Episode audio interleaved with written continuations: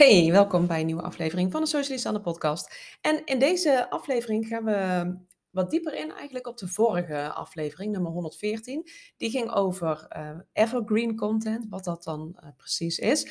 En als je denkt, huh, evergreen content? Nou, luister heel eventjes uh, podcast nummer 114. En vandaag gaan we wat dieper hierop in, ook met wat voorbeelden. Want ik dacht, ja, misschien is het ook wel fijn om wat voorbeelden erbij te hebben. Um, Even kort terug naar evergreen content. Wat is nou het, het voordeel? Hè? Een voordeel van, van evergreen content, van langhoudbare content. Het grote voordeel daarvan is dat het dus heel lang voor je blijft werken nadat het gepubliceerd is. Dus het is niet zo dat jij iets post en dat het binnen een aantal uren of een aantal dagen alweer verdwenen is. Maar het is iets wat kan blijven uh, werken. Dat is de, de focus waar je het op uh, wil leggen in ieder geval. Uh, dus daarbij maak je ook wel een verschil tussen um, een, lange termijn uh, inhoud van je bericht, zeg maar. En een lange termijn kanaal. Dus als jij zegt, nou, ik wil een, een bericht delen wat voor hele lange tijd gevonden worden kan mensen, door mensen, dan um, kan die inhoud daarvan daarvoor geschikt zijn. Dat je denkt van nou, het is vandaag relevant, maar dat is het over twee jaar bij wijze van spreken nog steeds. Maar dan moet je daar dus ook het juiste kanaal bij inzetten. Dus dan ga je het bijvoorbeeld niet op, alleen op social media plaatsen, want dan is het hè, de grote kans dat het binnen een aantal minuten misschien zelfs, of een aantal uren of een aantal dagen alweer verdwenen is. Maar dan zorg je er ook voor dat je die, uh, die lange termijn boodschap, hè, die evergreen content, dat je die dus ook op een uh, passend kanaal plaatst. Zoals uh, nou, op je website, denk aan een blog, een podcast of een uh, video op YouTube. Omdat die kanalen, die zorgen er ook voor dat jouw content voor langere perioden gevonden kan worden. Dus het, niet, het is dan niet zo dat jij iets plaatst en dat het weer verdwijnt heel snel. Maar het kan dus echt blijven werken. Het kan zelfs groeien doordat het vindbaar blijft. Nou, dat is echt een heel belangrijk voordeel van, die, uh, van dat evergreen content. Daarnaast kun je echt met evergreen content laten zien dat jij de expert bent in jouw vakgebied. Hè? Stel dat jij denkt van nou, ik ben echt de expert op het gebied van um, uh, gezond leven. Hè? Je bent bijvoorbeeld uh, gezondheidscoach. Dan kun je daar echt een, een, stuk autoriteit mee claimen binnen je vak. Omdat jij hè, enerzijds dus beter vindbaar bent, maar dat jij daar dus ook veel meer mensen mee kunt bereiken. Google vindt het namelijk fantastisch. Als jij content kunt verspreiden hè, waarmee jij veel mensen kunt bereiken, waar het veel, voor veel mensen interessant voor is, dan vindt Google fantastisch. Dus die zal dan ook vaker jouw website gaan tonen op het moment dat iemand naar een bepaald um, onderwerp zoekt. En dat kan ook weer meteen de, het aantal backlinks naar je website verhogen. En een backlink is eigenlijk als iemand anders vanaf zijn website naar jouw website um, linkt. Hè, dat ze denken, joh, uh, kijk ook eens naar dit artikel, super interessant bijvoorbeeld. En hoe meer backlinks jij ook hebt, van, en met name van pagina's die ook weer hoog scoren in Google. Uh, ja, daarvoor word je ook weer uh, door Google beloond. Dus dat is allemaal en-en. Nou, evergreen content is daarnaast ook nog herbruikbaar. je kunt het op meerdere manieren inzetten. En het geeft je ook meteen voor maanden of misschien wel jarenlang zelfs input voor content, voor bijvoorbeeld social content. Hè, dat je bijvoorbeeld van één blog misschien wel uh, 10 of 20 verschillende social media posts kunt maken. En dat is echt niet overdreven. Dat kan echt gewoon prima. Um, dus dat alleen al zijn de voordelen van, uh, van evergreen content. Maar luister dus ook eventjes uh, aflevering 114 om daar wat dieper in te gaan. Duurt een kwartiertje, dus dat is te overzien. Um, nog even wat voorbeelden.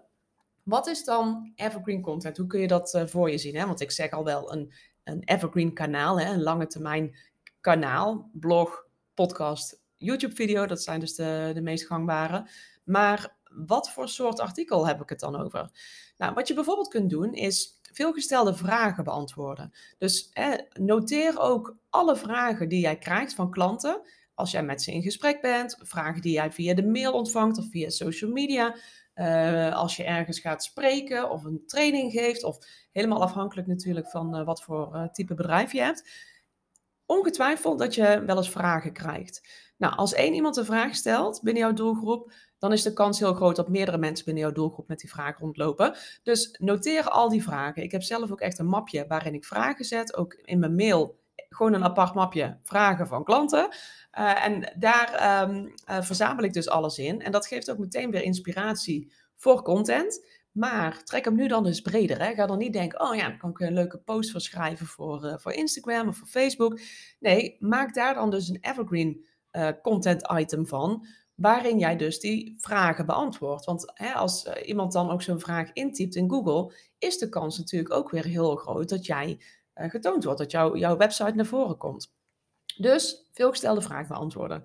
Een andere populair type content is een soort van ultimate guide maken. dit is de ultimate guide over Pinterest voor dienstverleners bijvoorbeeld, ik zeg maar iets. Dus waarin jij, hè, dus ook echt weer een stukje autoriteit claimen, waarin jij ja, eigenlijk een soort handleiding schrijft. Het is gewoon een, chic woord voor uh, handleiding. uh, hè, waarin jij dus weer een bepaald onderwerp helemaal kunt uitlichten. En hou daar dan dus wel rekening mee. En dat zal echt niet voor ieder uh, vakgebied even makkelijk zijn. Want soms heb je misschien wel onderwerpen waarvan je denkt, net zoals hè, mijn vakgebied, ja, Pinterest. Ja, weet je, wat vandaag op Pinterest werkt, kan goed volgende maand weer compleet anders zijn. Dus dat is niet per se altijd heel erg evergreen. Dus dan is het wel makkelijk als je het ook achter de schermen kunt aanpassen. Dus als je iets vertelt bijvoorbeeld over een algoritme van een bepaald uh, kanaal, dat je het ook wel weer achter de schermen kunt aanpassen. Uh, een andere vorm zijn bijvoorbeeld checklists. Mensen houden gewoon van checklistjes, lekker dingen afvinken, lekker overzichtelijk. Dus die kun je ook heel goed inzetten als evergreen content. Daarnaast, veelgemaakte fouten of geleerde lessen van jouzelf, van je klanten. Dat zijn ook hele mooie onderwerpen om weer content over te schrijven, die voor langere tijd actueel blijven. Want dit is nou, een grote kans dat dit niet per se iets iets is wat heel erg verandert in de tijd. dus als jij gewoon vertelt, joh, uh, ik deed het altijd zo, maar ik merkte dat dat uh, niet helemaal lekker ging. Nu doe ik het anders en het werkt wel, bijvoorbeeld. Of uh, dit zijn veelgemaakte fouten met, um, voor mensen die wat kilootjes aan willen komen. Nou, dan, dat zijn allemaal tips, die kun jij gewoon geven. En die kun je dus verwerken. En dat maakt dan meteen een heel mooi evergreen content stuk. Dat was een beetje een aparte zin, maar vooruit. Hetzelfde geldt voor uh, verhalen vertellen, case studies uitlichten, uh, testimonials van klanten. Waar stonden ze eerst? Waar staan ze nu? Weet je, dat zijn gewoon dingen, daar kun jij op terug blijven wijzen. Dus doe dat ook. Hè? Uh, evergreen content is niet alleen van oké, ik schrijf iets vandaag, hè, ik post het vandaag of ik publiceer het vandaag. En over een jaar is het nog steeds relevant. Leuk? Nee, over een jaar is het nog steeds relevant. Dus dat betekent dat jij erover uh, een kwartaal of over een half jaar of over een jaar of over drie jaar nog steeds naar kunt blijven verwijzen. Dat maakt het zo interessant. Dat het niet daar alleen maar leuk een beetje stof staat te vangen op je website, maar dat je er ook iets mee doet, dat je er ook naar blijft verwijzen. Dat is juist echt belangrijk. Dus doe dat ook, hè? Dat is echt een belangrijk. Evergreen content, top, maar blijf er naar verwijzen. Bijvoorbeeld vanaf Pinterest. Ik weet het niet, maar het is super interessant. Maar goed, wist je vast wel. Een andere, wat ook een hele interessante kan zijn, is een lijst maken met uh, bronnen van bijvoorbeeld tools of van bijvoorbeeld producten die je gebruikt. Bonuspunten als je daar affiliate links van maakt, dan, verdien je er misschien ook nog een leuk centje aan. Maar dit is heel interessant, hè? Zeker, uh, ja, vaak willen mensen toch ook wel weten van, oké, welke producten gebruik jij dan? Of uh, welke tools werk jij zoal mee? Uh, vragen aan mij zijn bijvoorbeeld vaak: hoe bewerk je dan je foto's? Waar plan je je post mee in? Uh, welke, ehm, welke camera gebruik je? Nou, dat zijn allemaal interessante dingen die jij kunt gaan benoemen en waar je gewoon naar kunt blijven verwijzen. Helemaal prima. Ook interessant is een woordenlijst met termen uit jouw vakgebied. Is ook meteen interessant voor, voor Google, hè? dat je uitlegt Oké, wat is dit? Nou, dit is dit en dit. Dus hè, dat mensen dat vaak ook zo letterlijk zoeken. Wat betekent dit woord? Wat betekent uh, algoritme? Nou, dat jij het uitlegt. Uh, en daarmee kun je dus ook makkelijk gevonden worden. Nou, dat is ook veelal goede evergreen content, omdat dat gewoon een term is die je uitlegt. En een term die verandert niet zomaar. Kijk, als ik zeg wat is uh, Pinterest-algoritme? Nou, Pinterest-algoritme is dit en dit. En het werkt op deze en deze manier. Kijk, dat laatste, dat kan natuurlijk veranderen. Dus dat kan ik dan ook wel weer aanpassen. Maar de vraag, wat is het Pinterest-algoritme? Dat is gewoon één antwoord. En dat zal niet zomaar veranderen. Dus dat maakt het meteen heel evergreen. Nou, je kunt natuurlijk ook verwijzen naar artikelen over de geschiedenis van een bepaald onderwerp. Hè, mocht dat relevant zijn voor jouw vak. Uh, want ja, die geschiedenis, nou, grote kans dat die in ieder geval niet verandert. dus uh, dat uh, maakt het uh, super evergreen. en natuurlijk, een last but not least, en er zullen er ongetwijfeld nog meer zijn, maar ik dacht, dit past waarschijnlijk het meeste, meeste bij jou als, als dienstverlener waar jij iets mee, mee kunt. Um, maar dat zijn webinars, evergreen webinars masterclasses, net hoe je het wil noemen. Het is echt gewoon allemaal hetzelfde. Maar hè, de een noemt het de webinar, de ander noemt het de masterclass. Maar die kun je ook evergreen maken. Dat betekent dat, die, dat jij hem bijvoorbeeld opneemt. Dat je er geen datums bij noemt. hey, goedemorgen deze maandag 5 juni. Het is vandaag woensdag 7 juni, maar dat maakt niet uit.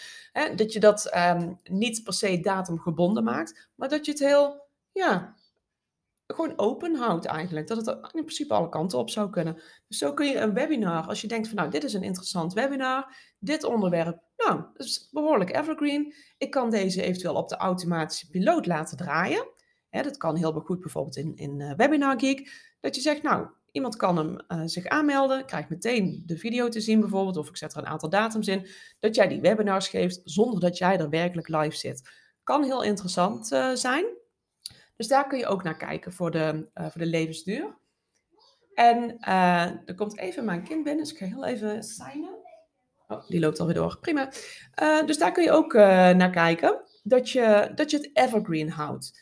En nou, als we even kijken naar een voorbeeld. Hè. Stel je voor, jij bent een coach in de gezondheidsbranche bijvoorbeeld. En je helpt klanten om gewoon lekkerder in hun vel te zitten. Nou, hoe zet je dan die evergreen content in? Hè? Die langhoudbare content.